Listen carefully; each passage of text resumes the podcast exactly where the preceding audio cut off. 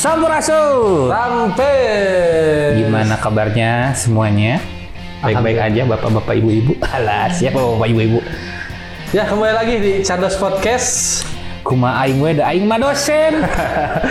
Alhamdulillah setelah sekian purnama kita ya baru ya, ketemu kita lagi. baru keluar dari gua. Nggak sih lebating wacana pak masalah nama. Hayu Iya. hayu hayu take tapi terjadi. Bener dan kemarin memang kita lagi banyak serangan Covid ya kemarin ya. Oh Soalnya ya. Covid kemarin. Aduh, Oh, ya. sarjana COVID. Sama magister COVID. Ya, aduh, Covid itu memang kemarin lagi lagi dahsyat-dahsyatnya, Pak. Ya, gitu, Iya sih. bener. Dan tapi ya, kita semua sekarang udah di booster, Pak. Alhamdulillah. Alhamdulillah ya. Ya jadi memang kemarin pun jadi ya, kita banyak ya kan terakhir kita episode 4 ya. Yang baru ada episode 5 lagi teh. Pertama memang karena kesibukan. Dan juga kita lagi merancang nih konsep baru untuk Chardos kita. Kayak ketemu di akhir. Oh iya benar. Rahasia. Rahasia kayak lah makanya nonton dulu episode itu kalau mau tahu konsep terbaru dari Charles Podcast. Pokoknya mah ciamik.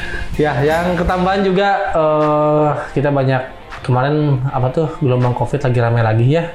Jadi sem- kampus juga sempat lockdown ya kita. Nah, ini sekarang alhamdulillah. Tapi bapak-bapak ibu-ibu sehat kan hari ini? Teteh gimana kabarnya Teteh? Sehat aja. oke. Alhamdulillah. Ya? Anak obat. Wow. Karena apa hujan wae? Waduh, sini tepak wae ya hujan mah aduh. Aduh ya Allah. Tapi itu adalah hikmah atau berkahnya dari COVID teh. Covid membawa banyak ya membawa banyak hikmah betul. Anak-anak. banyak anak. Ya tapi ya memang gimana ya?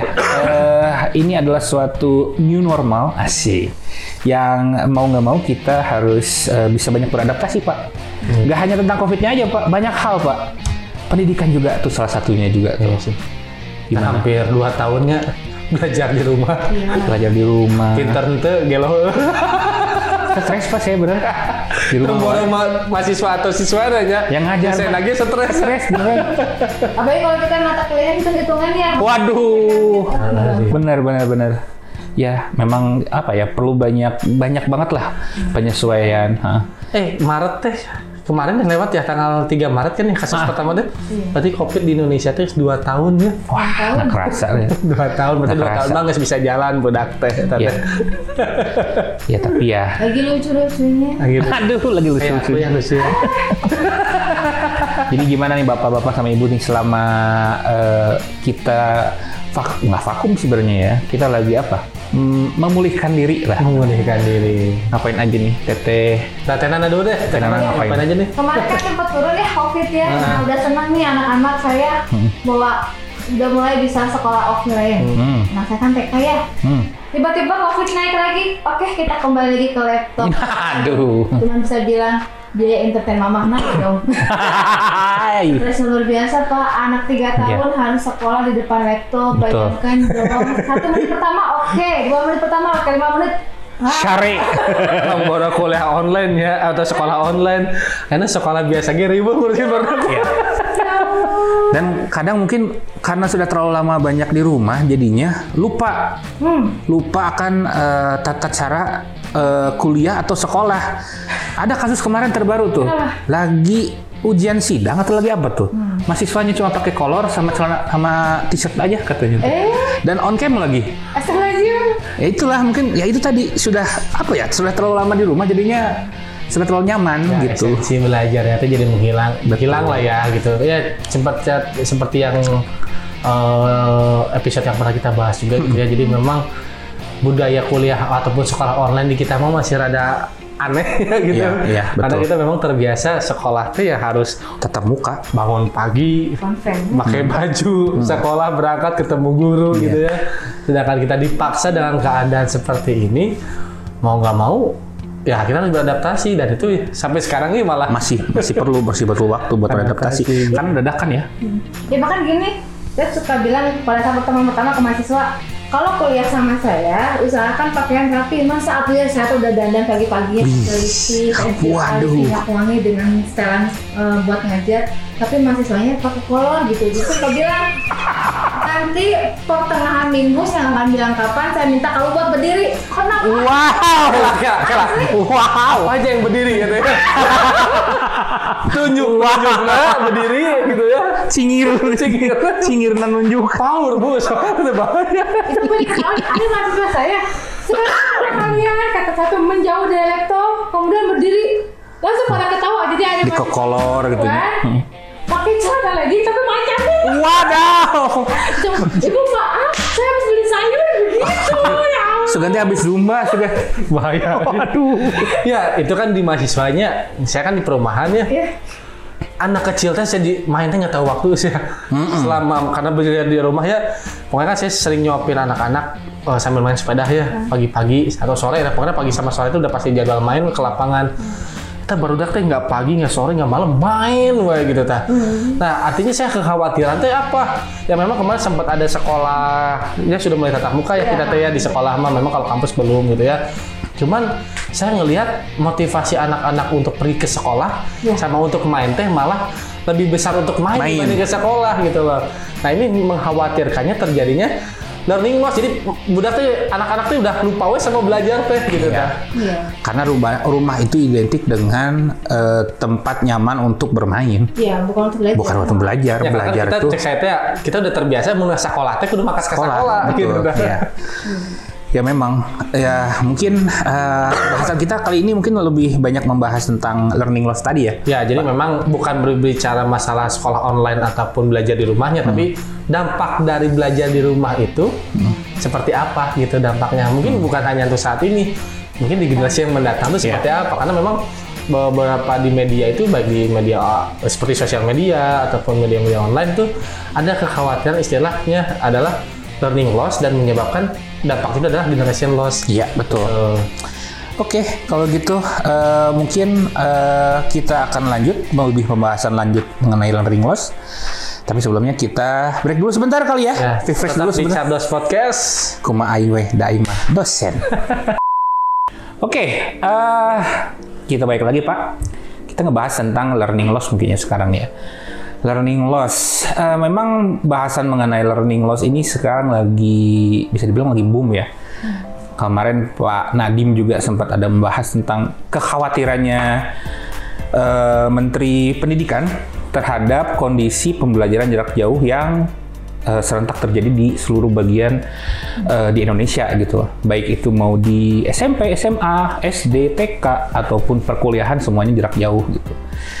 Kenapa kok bisa dia sampai berpikir eh, akan menciptakan adanya learning loss karena eh, pertama tadi yang eh, sudah disampaikan bahwa kita terbiasa dengan cara konvensional untuk iya mengajar ya direct langsung ke Mungkin ini juga yang menjadi menjadi kenapa Mendikbud akhirnya memperlakukan PTM ya kemarin. Nah, itu dia.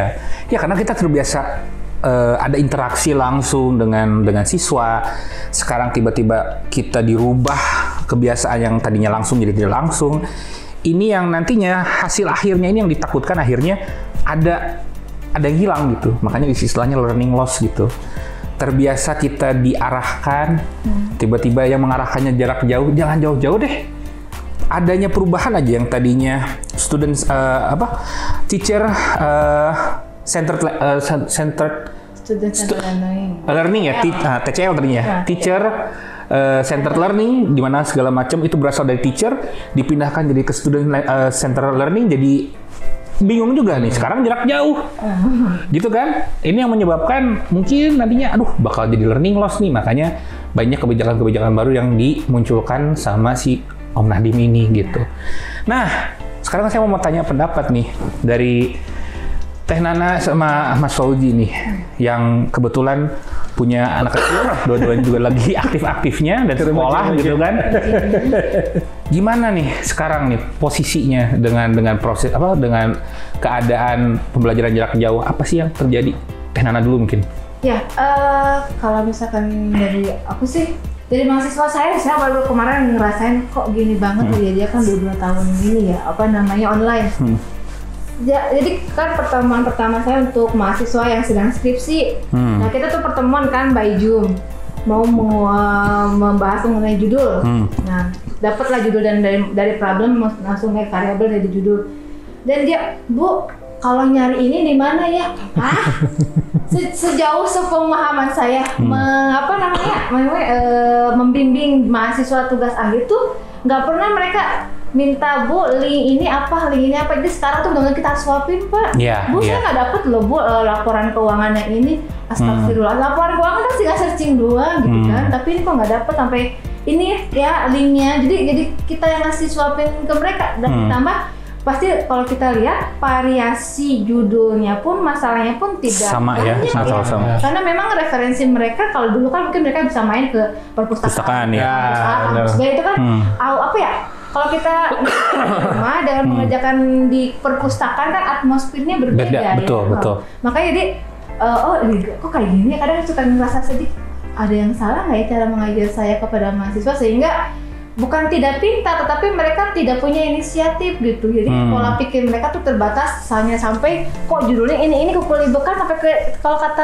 lalu tuh udah jenuh gitu udah Iya. nggak bisa dilarutkan lagi Iya, iya. ditambah kayak kalau itu masalah kalau kampus ya kalau anak-anak kadang eh, apa ya ya pasti wajar ya kita untuk merubah sesu- jadi kan kalau misalkan offline dan online itu bukan mengganti apa ya mengcopy pastekan materi yang offline dan online kan pasti nggak bisa kan Iya, karena iya. kita harus eh, banyak cara Interaksinya ya, beda soalnya. interaksinya Penyesuaian beda, juga beda, iya. tidak berhubungan langsung kayak anak-anak saya yang harusnya hafalannya itu sampai lima surat ini Hmm. kadang dua surat kan tahu ya kalau anak ya kalau belajar sama emaknya Betul. dibanding sama ustazahnya tuh Baru beda. ada perbedaan pun mah nggak gitu loh ustazah Iya. aku tuh begini Iya. Tapi sesat gitu Iya, banyak. iya, iya. Dan- dan itu tuh luar biasa Iya, iya. tahan anak sendiri tahan anak sendiri gitu Iya. kan nggak boleh emosi gitu Iya. paling nanti bapaknya datang mau cubit-cubit ini lah anak kamu lah mah gitu Iya. jadi emang ada sesuatu yang berbeda bahkan maksud untuk saya kuliah S3 aja ada satu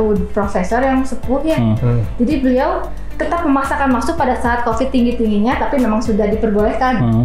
Padahal cuma satu mata kuliah, beliau cuma bilang ilmu itu kita cari berkahnya karena memang kalau saya dia itu kan dia mengajar uh, apa hadis tafsir dan Hmm. hadis kan kayak kalau kayak kalian yang pengajar pasti tiap tahun kita mengajar mata kuliah yang sama materi yang sama Hmm. harusnya kalian tuh harus membaca gitu. Hmm.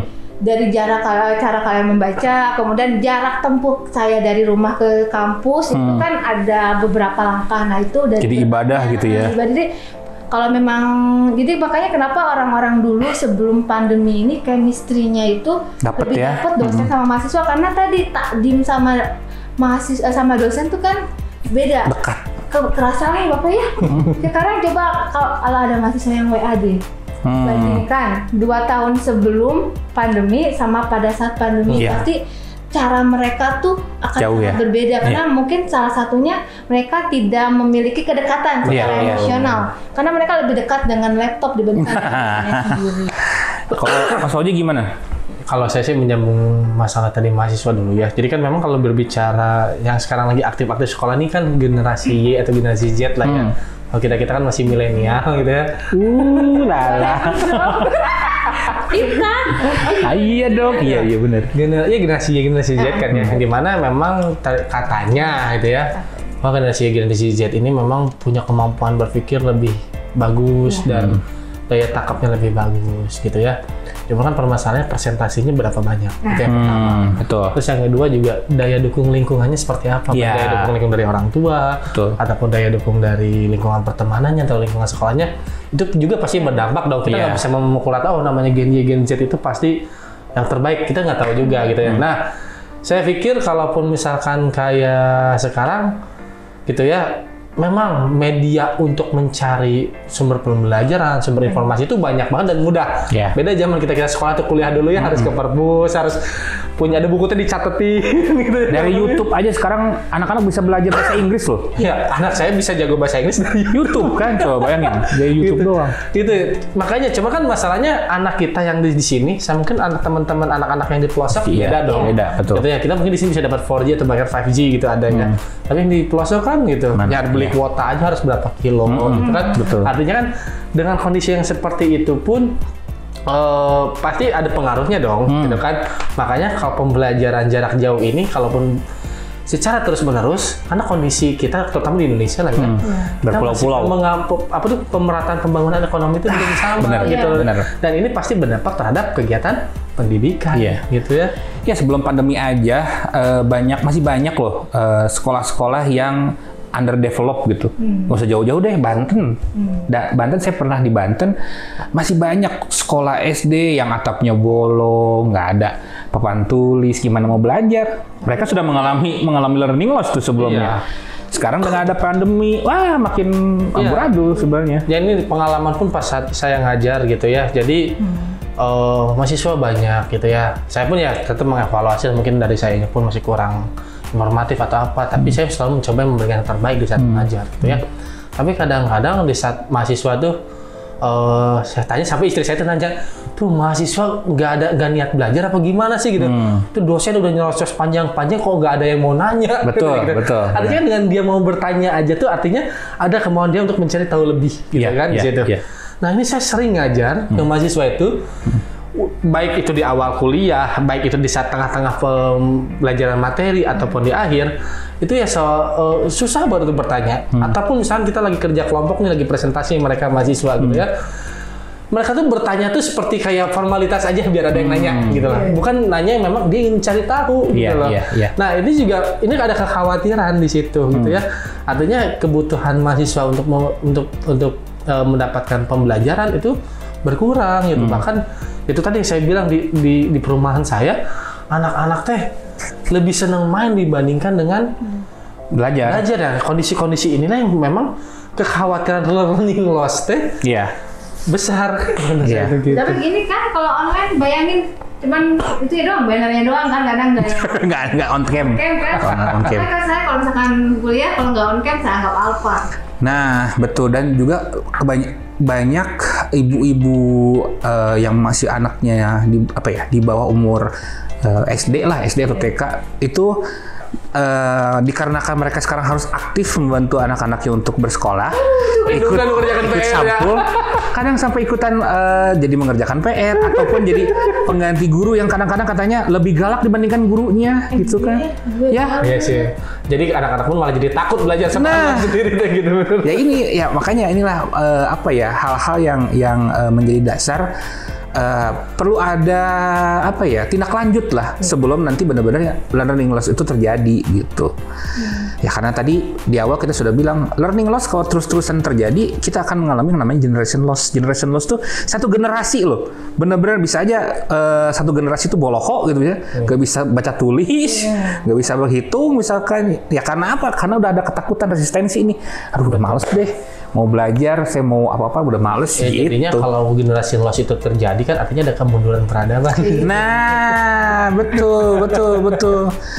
Ya memang sih eh, sebenarnya apa ya untuk untuk eh, memulai pembaharuan itu perlu ada apa ya perancangan yang yang benar lah yang baik.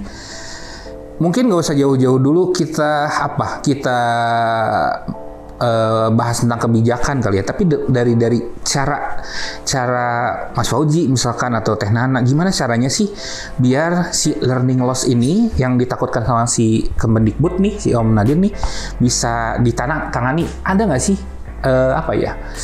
eh cara-caranya gitu gimana ya biar biar bisa meminimalisir terjadinya learning loss gitu gimana kira-kira Kalau saya sih yang saya lihat sih sebenarnya kan dari mahasiswa juga banyak kadang bu sebentar saya terus eh, saya suka tanya kenapa kamu nggak pernah video gitu Hmm. kan karena jaringan rusak kenapa Hmm. eh, jelek ibu tahu nggak setiap aku kuliah tuh Hmm. saya tuh Hmm. harus ke kecamatan bu karena cuma di situ aja Ada sinyal. bagus Iya, iya. gitu. oh jadi kadang saya kalau misalkan ada jadwal-jadwal yang sore saya agak takut karena Hmm. kan kecamatan Jauh ya. kan sawah dan yang lainnya gitu. Mhm. Oh berarti emang pertama kan memang eh, satras yang mereka punya pun Betul. kan belum bisa. betul betul Bahkan kadang saya suka eh, pernah tuh saya main ke Tasik ada oh ibunya marahin marahin anaknya kan karena memang pelajaran online itu mengharuskan untuk on cam kan kalau video call sih kalau itu kan kalau Hmm. anak itu tetapi memang kan kemarin sempat ada bantuan Kemendikbud Pulsa. Iya, benar-benar. Si ibu itu nggak dapet, kan. Oh, Bahkan- nggak ke data ya? Iya, bahkan suka bilang, duh neng katanya jangan kan buat beli pulsa, buat beli makan juga susah. Hmm, bener bener bener. Kemudian jadi, ma- cuman agak eh, bagusnya pendidik-pendidik kita itu kadang mereka si guru-guru tuh datang-datang langsung ke setiap rumah-rumahnya. Ah, ya untuk memperkuat ya Iya. pengajarannya. Jadi ujung-ujungnya yang tadinya mungkin eh, online ini untuk menghindari penularan COVID, Mhm. tapi karena situasinya yang nggak memungkinkan, Mhm. mereka harus datang ke setiap rumah yang malah lebih mengumpulkan banyak orang lagi, gitu kan? Iya. Jadi kalau kata saya learning loss ini bisa eh, apa namanya bisa diatasi memang harus dengan kebijakan-kebijakan tadi gitu. Jadi kita nggak bisa mensiasati atas pribadi sendiri. gitu. Nah, Karena kan kayak saya dosen, saya biar mahasiswa tertarik bagaimana saya membuat pembelajaran dalam bentuk video dan Nah, lain-lain. betul, Tetapi betul. pada saat saya sampaikan ke mahasiswa, Nah. itu bisa terserap sesuai nggak sih sama keinginan Iya, kita? betul, gitu. betul. Tadi kan kendala sinyal lah, apalah. betul. Jadi memang ini lebih ke kebijakan kalau kata saya sih. Kalau Oke. Mas Fauji gimana? Oke, kalau saya menambahkan, selain misalkan kebijakan memang dari pemerintah terkait masalah menangani learning loss ini, yang tidak kalah penting adalah kepedulian para pelaku dan juga stakeholder di bidang pendidikan. Hmm. Karena ya, oke lah, orang kebijakan memang memberikan kebijakan, tapi kan yang terjun di lapangan, ya kita kita nih guru-guru, dosen-dosen, siswa dan mahasiswa gitu ya, ini harus peduli gitu loh. Kalau misalkan yang mohon maaf ya kembali ke integritas seorang si pendidik itu sendiri mau seperti apa? Dia tuh hanya mengajar untuk kebutuhan materi dia ataukah hanya mengajar ingin men- mendidik si siswanya gitu ya. Nah kalaupun misalkan memang dia tujuannya ingin mendidik pasti dia akan peka dan akan peduli terhadap kemungkinan terjadinya learning loss ini gitu ya. Nah makanya guru ataupun dosen itu harus dituntut kreatif dalam mengembangkan proses pembelajaran Iya. gitu ya. Saya yakin sih kurikulumnya memang ada penyesuaian karena kan di, di, di sekolah juga ada tim MGMP gitu ya Darurat bahkan kan bahkan. Nah, kalau di kita juga ada kurikulum eh, di kampus juga ada kurikulum gitu kan ya. Nah, itu bagaimana kita bisa mendesain bahwa jadi pembelajaran itu tidak monoton gitu. Iya. Karena kalau kita bergantung pada gadget, itu akan sulit ya. Contoh tadi kayak Teh Nana ya, yang di mana mahasiswanya harus ke kecamatan dulu biar dapat ada sinyal gitu kan. Akhirnya kan kita jangan kita yang diperbudak oleh gadget, tapi kita yang mengelola gadget itu membantu memudahkan kita kan gitu. Nah itu tadi nah, kembali ke dosen dan eh, ini seperti apa mengelolanya. Makanya saya kalau di setiap kuliah itu selalu mengingatkan, ingat sumber belajar materi ini bukan hanya dari saya Nah, gitu loh. Kalian bisa banyak cari ya. Itu di, kalian pada punya HP kan? Nah, itu HP itu banyak media pembelajaran harus kalian cari. Makanya saya suka suka stimulasi mereka itu dengan beberapa tugas yang dia tuh harus belajar, harus baca. Hmm. Sehingga menambah wawasannya. Karena kalau kita kuliah di online ngedengerin aja, saya yakin ada yang sambil main PUBG, yang Iya, sambil apa, tidur, gitu tidur. ya. Nah. Itu untuk yang teoritisnya ya. Nah, untuk praktik eh, maksudnya untuk prakteknya, saya juga selalu mendorong ke mahasiswa tuh kita studi case gitu. Kebetulan kan saya di bidang di ilmu pertanian gitu ya. Hmm. Nah, coba kamu datangin petani komoditas ini, Hmm. gitu ya. Kamu pelajarin, kamu identifikasi masalahnya, jadi mereka tuh bisa terjun langsung gitu. Hmm. Karena kalau misalkan si dosen teh, ayo we kuliah online cuma Iya. zoom zoom aja. Sama Saya yakin learning loss ini akan semakin kuat. Makanya ya itu tadi saya, saya bilang kepedulian para pelaku dan juga stakeholder di bidang pendidikan ini, ayolah kita peduli gitu ya dengan menstimulasi ataupun meminimalisir terjadinya learning loss ini. Iya. Jadi intinya tuh kita harus jemput bola, nggak usah nunggu-nunggu, nggak usah nunggu-nunggu eh, arahan dari Kemendikbud harus seperti apa, tapi kita harus eh, mencari solusinya dengan cara yang terbaik, efektif, efisien, Ya. dan juga harus kreatif gitu. Ya, jadi makanya kan ada ada simbiosisnya tuh bagus nanti antara dosen, guru dan juga mahasiswa atau siswa gitu ya, ataupun bahkan dengan orang tua gitu. Cuman memang tidak mudah implementasinya, tapi kan eh, kamu nggak akan pernah mengetahui hasilnya kalau kamu tidak pernah mencoba, gitu kan? Gitu. Itu kan kalau dari segi akademis ya.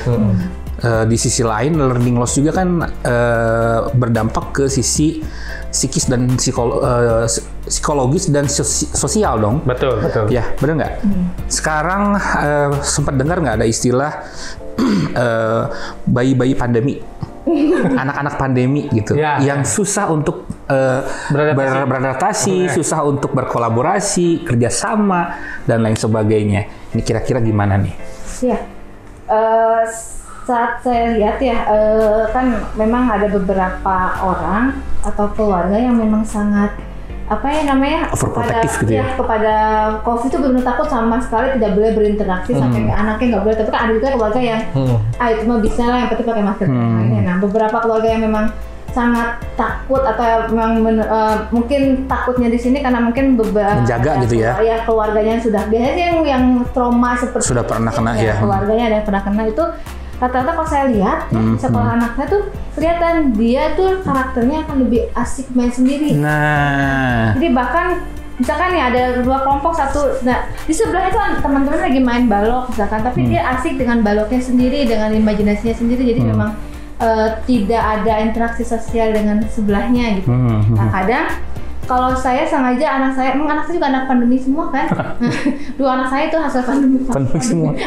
Wah, hasil hujan ya? ya Hasil tepuk tangan. Karena saya sengaja kalau pada saat tempat offline, Hmm. saya suka bawa misalkan susu kotak itu banyak. Hmm. Nah, 6 atau misalkan jumlah. Nah, saya minta kamu kasihkan ke teman-teman kamu ya. Karena kan Berbagi kalau, ya. Kalau saya kasih makanan yang terbuka kan takut eh, mereka ada yang takut Iya, iya. Saya kan takut uh, tertular. Nah, saya beli eh, susu kotak. Hmm. Saya saya bilang kasihkan ke teman-teman kamu gitu. Jadi Buat biar bersosialisasi ya. Ah, itu buat memaksa mereka bersosialisasi gitu. Hmm, hmm. Kemudian besoknya saya tanya lagi temennya siapa aja namanya gitu kan. Hmm. Karena memang pas pertama kali tem anak saya masuk tuh udah online. Hmm. Nah pada saat ada kesempatan PK PPKM itu turun, Hmm. itu langsung offline kan. Hmm. Nah saya langsung tanya temannya siapa aja gitu. Jadi Hmm. kalau misalkan dia Distimulain buat Iya. berinteraksi gitu ya. Jadi kalau dia bisa menyebutkan satu nama, saya kasih coklat. Oh, Dia- ada rewardnya ya? Ah, dari rewardnya kan memang inter apa ya kepedulian sosial ke eh, itu yang nggak bisa kita beli loh pak. Iya, betul, betul, Iya. betul. Kalau misalkan dia nggak bisa berhitung, tinggal kita ajarin satu dua tiga selesai. Cuman ketika ada temen yang nggak bawa minuman, Hmm. sedangkan dia misalkan punya minuman dua dan tidak berbagi, Hmm. itu yang kok saya jadi gagal orang tua gitu. Iya, iya. Kalau Kalau saya gimana? mah contohnya ke anak saya lah. Saya ada anak dua nih ya. Anak pertama Istri? Istri satu, alhamdulillah.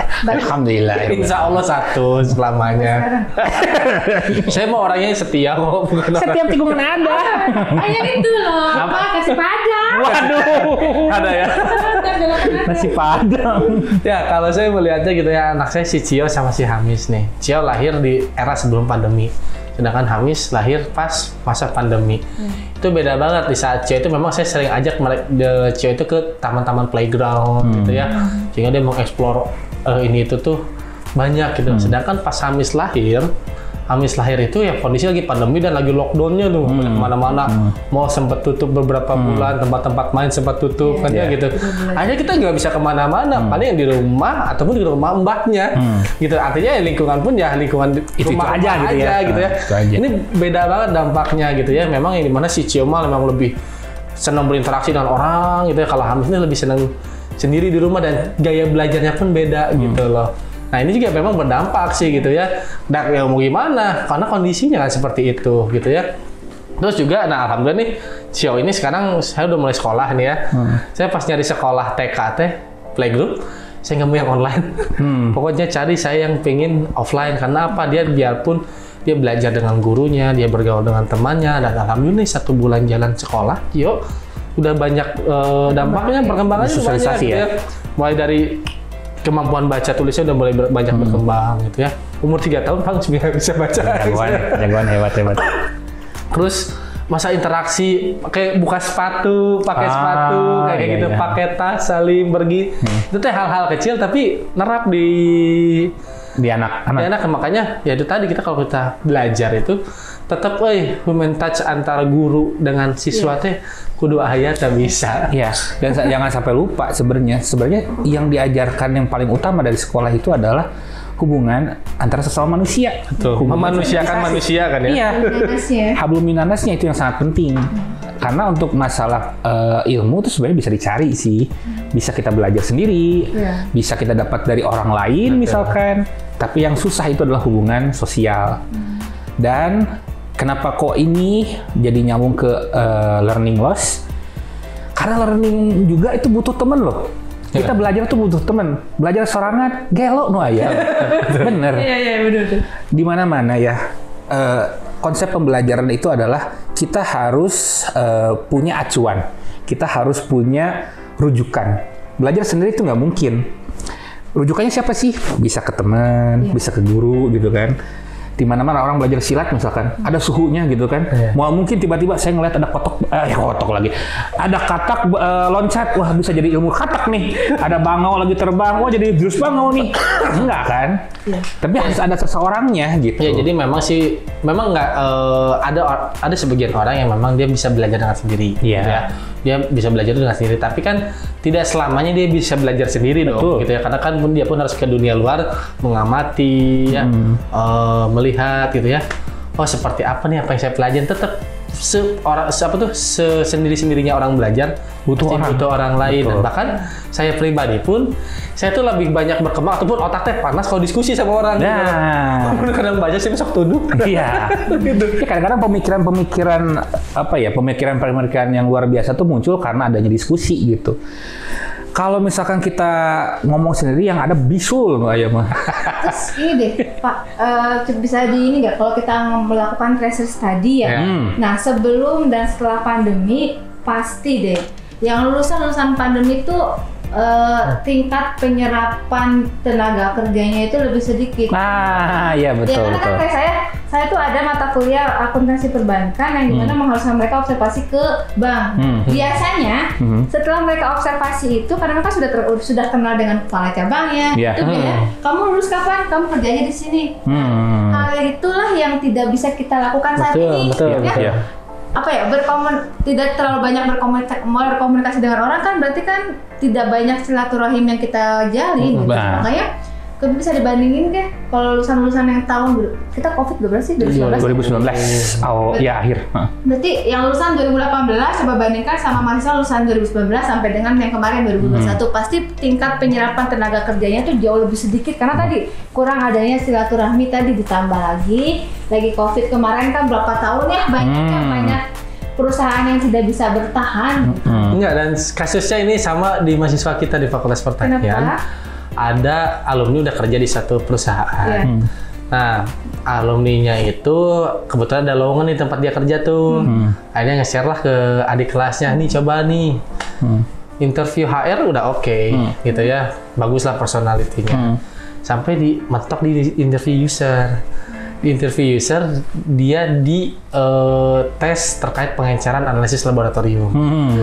kan dia nggak bisa dan dia tuh memang notabene lulusan era pandemi Iya. Oh iya kan? yang di mana Kegiatan labnya Nah, tutup. era pandemi kita lab benar-benar tutup, Tutup, kan iya. adapun memang eh, praktikumnya online faktanya Iya. tidak meningkatkan keterampilan Betul, itu betul. karena satu hal itu akhirnya Iya. si mahasiswa itu tidak bisa jadi keterima sampai akhirnya bilang ke si alumni itu Hmm. itu gimana sih padahal dia udah bagus saya senang personalitinya cuman masa ditanya pengenceran aja nggak bisa? Nah itu kan artinya Iya. ada permasalahan di sini gitu Iya, ya. iya.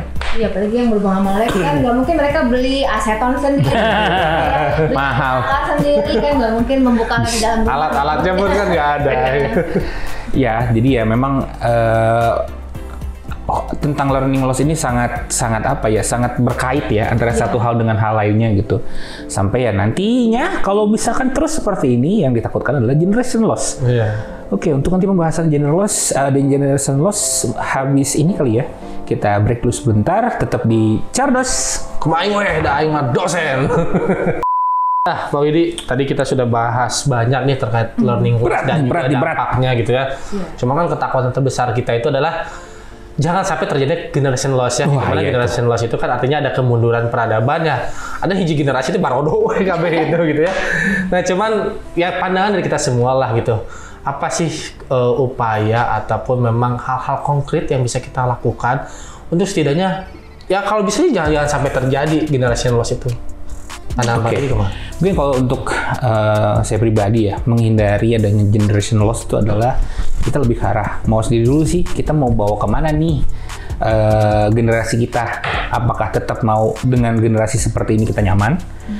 Generasi pandemik yang anak-anak uh, sangat uh, secluded gitu dia sangat nyaman dengan dunia sendiri, uh, tidak pengen berteman, lebih suka dekat dengan orang-orang sekitaran rumah terus juga lebih nyaman dengan eh, pembelajaran jarak jauh terus tidak suka eksplorasi.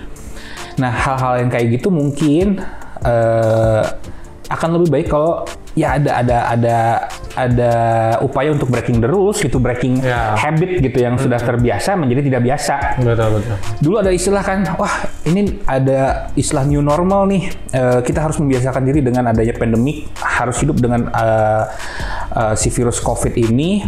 Kita punya eh, new normal, new habit dan lain sebagainya. Tapi dengan adanya new normal dan new habit, habit yang dulu sebenarnya sudah bagus jadi tidak ada nih. Nah, mungkin akan lebih baik adalah di bukan dikembalikan 100% tapi lebih ke arah diselaraskan gitu. Habit misalkan eh, kita sudah terbiasa eh, pembelajaran tatap muka. Dengan adanya new normal, semua pembelajaran eh, basicnya semua online. Akan lebih baik kalau misalkan dikombinasikan. Jangan sampai benar-benar loss 100% online semua. Terus jangan juga sampai 100% tatap muka semua karena kita masih belum tahu nih status COVID ini seperti apa. Nah, cara yang baiknya seperti apa? Kalau itu ya saya sih serahkan ke orangnya masing-masing sih. Eh, apa namanya pemahamannya seperti seperti apa nih pembelajaran 50-50. Apakah misalkan oke saya yakin karena semua anak-anak udah pada di booster misalkan ayo udahlah eh, pembelajaran eh, 50-50-nya diselang-seling misalkan sehari masuk, sehari enggak, sehari masuk, sehari enggak. Terus lebih banyak melakukan pekerjaan-pekerjaan yang sifatnya kelompok misalkan. Kenapa kelompok? Karena untuk membi- eh, apa ya menghilangkan kebiasaan belajar sendiri gitu. Jadi tetap bersosialisasi walaupun tidak bertemu gitu kan. Terus case study itu adalah salah satu eh, apa ya pembelajaran yang sangat baik kalau menurut saya. Kenapa? Karena membiasakan diri juga untuk si anak-anak ini mencari tahu. Karena new normal dengan adanya new normal, new normal pembelajaran daring masih mahasiswa atau siswa ini sudah baik lagi ke zaman primitif zaman dulu di mana teacher centered learning lagi. Iya. Jadi semua ilmu berasal dari kita semua. Padahal tadinya sudah student centered learning, Nah. Gitu. Itu dulu mungkin kalau kata saya. Kalau Teh Nana gimana Teh Nana? Kalau untuk menyikapi learning loss, ya tadi yang dikatakan Pak Fauji sama Pak Wid itu eh, dari dosennya harus lebih kreatif. Makanya kan dulu eh, mungkin beberapa dulu zaman dulu kita masih nggak akan punya gambaran bahwa jadi apa vlog itu apa namanya jadi youtuber itu jadi sebuah pekerjaan. Nah, betul. Tapi dengan adanya uh, pandemi ternyata YouTube YouTube itu bisa menghasilkan uang banyak. Hmm. Maka dari itu Mhm. uh, dari saya kalau saya menyikapi learning loss itu salah satunya saya selalu uh, salah satu mata kuliah saya mengharuskan mereka seperti inter uh, kewirausahaan entrepreneurship itu mereka membuat sebuah produk. Mhm. Setelah produknya jadi, saya minta mereka untuk membuat sebuah iklan Nah, iklan yang bisa kalian upload di YouTube. Jadi Hmm, nanti hmm. uh, as- uh, mungkin suatu beberapa tahun kemudian mereka bisa bernostalgia dulu tuh saya tugas pada saat pandemi Hmm. tugas saya seperti ini dan mereka bisa searching di YouTube. Jadi memang tadi harus uh, si pendidik ini harus punya mensiasati bagaimana caranya Hmm. meskipun mereka dengan di rumah saja tetapi uh, substansi mata kuliah ini bisa tersampaikan. Nah, Salah satunya tadi case study tadi yang yang lebih kalau saya lebih condongnya yang bisa meninggalkan jejak gitu. Jadi Mm-mm. tidak hanya tugasnya adalah case study. Uh, soalnya ini saya kasihkan Mm-mm. kumpulkan minggu depan itu kan hanya oleh iya. tapi yang tidak bisa kita Tidak berbekas, ya. teori aja. Tapi kan kalau misalkan tadi silahkan upload di media massa, Hmm. silahkan upload di media sosial, silahkan upload di YouTube, misalkan Hmm. itu akan menjadi eh, pertama bisa jadi track record mereka, Hmm. kemudian yang kedua substansi mata kuliah yang saya ampu itu bisa tersampaikan. iya betul. Kalau saya sih nambahinnya tadi kan Mas Wid sama Teh Nana bahas dari aspek pembelajaran pendidikan Hmm. gitu ya. Nah tidak bisa dipungkirin sekarang baik kita lah orang dewasa ataupun bahkan anak-anak remaja gitu ya. Pengaruh media itu sangat besar gitu ya. Baik itu sosial media baik itu media TV ataupun media online lainnya ya karena kan hampir sekarang kita semua dari anak kecil sampai dewasa itu pasti punya namanya sosial media gitu ya Kita punya TikTok nggak? Enggak, kok nggak bisa pakainya. goyang-goyang Padahal aku mau nge-add loh. Loh. Aku pernah punya, gue hapus. Ya artinya kan media itu sangat dekat dengan kehidupan kita pada saat ini. Dan saya pikir salah satu yang bisa mengendalikan generation loss itu adalah media, gitu ya. Karena kita hampir setiap hari pagi, siang, malam kayaknya tidak lepas dari media, baik itu sosial media ataupun media TV, gitu ya. Nah makanya ini pun dari pemerintah pun bisa mengarahkan nih eh, sejauh mana sih konsumtif media itu sesuai dengan eh, apa ya umurnya gitu ya. Porsinya. Nah, artinya dan juga konten-kontennya pun disesuaikan gitu ya. Ya. Jadi jangan sampai ya si anak-anak kita ataupun adik-adik kita terinfluence terinfluence dengan hal-hal yang tidak baik gitu ya. Sehingga itu tadi malah bukannya memperlambat generation loss atau menghilangkan generation loss, malah mempercepat generation loss itu semakin terjadi gitu ya. Makanya kalau saya pikir sih itu sosial media itu bisa dikendali, eh, maksudnya bisa apa ya? eh, orang tua itu bisa memantau anaknya sejauh mana dia menggunakan sosial media. Dan juga di saat nonton media TV ataupun media online, kita harus pilih nih. Kalau kita di zaman dulu masih ada tele- televisi pendidikan Indonesia, Iya. TPI. Iya. Masih ngalamin dah. TV penuh India. Sekarang ya. Dulu kan banyak India, film India tuh TPI. Terus kan kita TVRI juga masih ada kalau jam 12 sampai jam 3 tuh ada yang ulang pembelajaran, Iya. jadi kayak kayak gitu ya. Saya pikir anak-anak zaman sekarang kayaknya agak kurang tertarik akan hal itu. Tetapi ya kita tugas orang tua ataupun tugas orang nis kita tuh bisa menstimulus ke sana gitu ya. Maka sekarang nih saya TV yang masih saya sering harus anak-anak nonton tuh adalah Trans 7 terutama dari jam 12 sampai jam setengah tiga lah. Ada laptop si Unyil ada si Bolang itu saya selalu nontonin biar anak tuh tuh lihat Cio ada apa tuh dia di, di, di Pembelajaran ya. apa gitu. Trans 7 ya? nah jadi peran orang tua pun me- apa tuh memberikan media pada anak itu harus pas sehingga ya tadi selain tadi pembelajaran di sekolah distimulus oleh gurunya orang-orang tua di rumah pun bisa menstimulus anak itu jangan sampai bodoh gitu jangan sampai akhirnya Iya. itu tadi yang kita takutkan generasi loss itu Terjadi ya. Tapi nauzubillah minik mudah-mudahan janganlah anak cucu kita jangan sampai seperti itu. Berarti kalau misalnya kita bisa simpulkan ada beberapa poin yang harus eh, eh, kita upayakan lah ya agar tidak terjadi generation loss. Pertama, adanya eh, pantauan dari orang tua terhadap eh, kegiatan-kegiatan si anak. Ya. Baik yang sifatnya eh, edukatif Iya. ataupun yang di luar non edukatif Ya, ya. sosial sosial. Kedua, kita harus melihat dari segi eh, sosial juga nih. Gimana caranya si anak-anak ini tetap masih bisa bersosialisasi dengan kondisi seperti sekarang. Ketiga, dari segi pendidikan nih, eh, pendidikan juga harus bisa lebih eh, kreatif nih. Jangan sampai me- apa ya, menimbulkan kesan boring, menimbulkan kesan yang tidak menarik, sehingga nantinya si anak tidak mau belajar. Ya sudahlah, saya mau jadi apa aja juga bisa. Toh jadi youtuber juga dapat duit banyak, misalkan, gitu kan. Dan yang terakhir ya eh, lebih ke arah mindset mungkin Tuh. mindset dari semua aktor yang ada di eh, lingkup eh, apa ya edukasi ya kali ya ya anak ya orang tua ya guru semua harus punya tujuan yang sama nih. Gimana caranya generation loss itu tidak terjadi? Ada loh filmnya loh generation loss. Ada? Ada. Jadi eh, saya judul, judulnya lupa apa ya. Jadi si film ini tuh menceritakan ada suatu eh, bencana bencana alam. Jadi semua eh, orang yang yang yang hidup tuh pada menghilang semua, pada mati semua. Yang bertahan itu adalah orang-orang yang ada di cryo, yang ada di mesin eh, aduh saya lupa apa ya namanya tuh. Di mesin yang bisa apa namanya tuh mempertahankan hidup untuk jangka waktu yang sangat panjang Pernah lihat? mesin cryonya rusak setelah berapa ratus tahun akhirnya terbuka dan kondisinya adalah orang-orang yang di save itu adalah orang-orang sakit jiwa. Nah, Nah, sendirian kan? ya karena orang-orang yang sakit jiwa jadi institusi kalau nggak salah tuh. Jadi si orang-orang yang sakit jiwa ini yang hidup de- di generasi yang baru dengan kondisi dia sakit jiwa jadilah nggak ada orang-orang yang pinter lagi jadinya. Oh, iya, itu yang dimaksud dengan generation loss gitu. Jadi ada satu fase hilang nih yang orang-orang pinter, orang-orang yang punya eh, apa namanya punya potensi Dia selamat dari satu wabah, Hmm. tapi dia menciptakan eh, wabah baru lagi. gitu. yang stone itu Bu. Dr. Stone. Dr. Stone. Iya, Dr. Stone juga bisa tuh kayak gitu. mirip-mirip lah. Mirip-mirip ya, mirip-mirip gitu. Kalau di Dr. Stone itu lebih ke arah karena adanya hujan meteor, orang-orang tertentu jadi batu, Batu. yang lainnya mati. Nah, orang-orang yang dibangunkan adalah orang-orang yang muda saja. Orang-orang yang tuanya dibiarkan untuk hilang. Kenapa? Karena di pikirannya orang-orang tua tuh penghancur generasi muda. itu nah, kali, revolusi. Sesuatu yang Gitu. Cukup kali ceritanya. ya ini.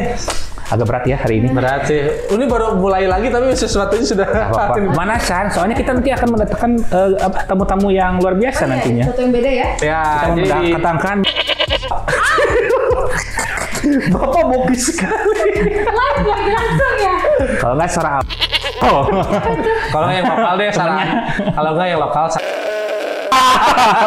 Aku nggak tahu sih. Aduh aja dia. Bapak? Ada siapa? Itu tuh yang suka kalau lagi hujan tepuk tangan. Udah Cut, cut. ya, eh, yang jelas di next episode Cerdas Podcast kita bakal mengundang nih beberapa narasumber ataupun eh, expertnya di bidangnya ya yang yang di mana pembahasannya akan jauh lebih dalam gitu ya. Jadi tidak hanya dari sudut pandang kita bertiga, tapi kita akan datangkan expertnya nih. Atau ada ide mau datengin siapa? Nah, boleh sok kolom, kolom di kolom komentar ya siapa yang mau Maria Renata lah. Saya juga mau sih itu Pak. Berat bawaan.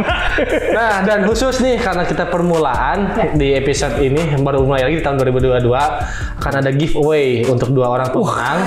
Pulsa 100.000 ribu untuk dua orang pemenang. Caranya gimana mau dapetinnya? Caranya adalah kalian capture, kalian selagi nonton Cerdas Podcast, tapi dan harus sudah di subscribe ya kalau belum subscribe mau kita pilih gitu ya. Kalian capture, kalian posting di Instagram, Instagram, Instagram. stories kalian, kalian tag eh Cerdas Podcast dan boleh podcasternya juga boleh sih. Dua orang pertama berarti ya?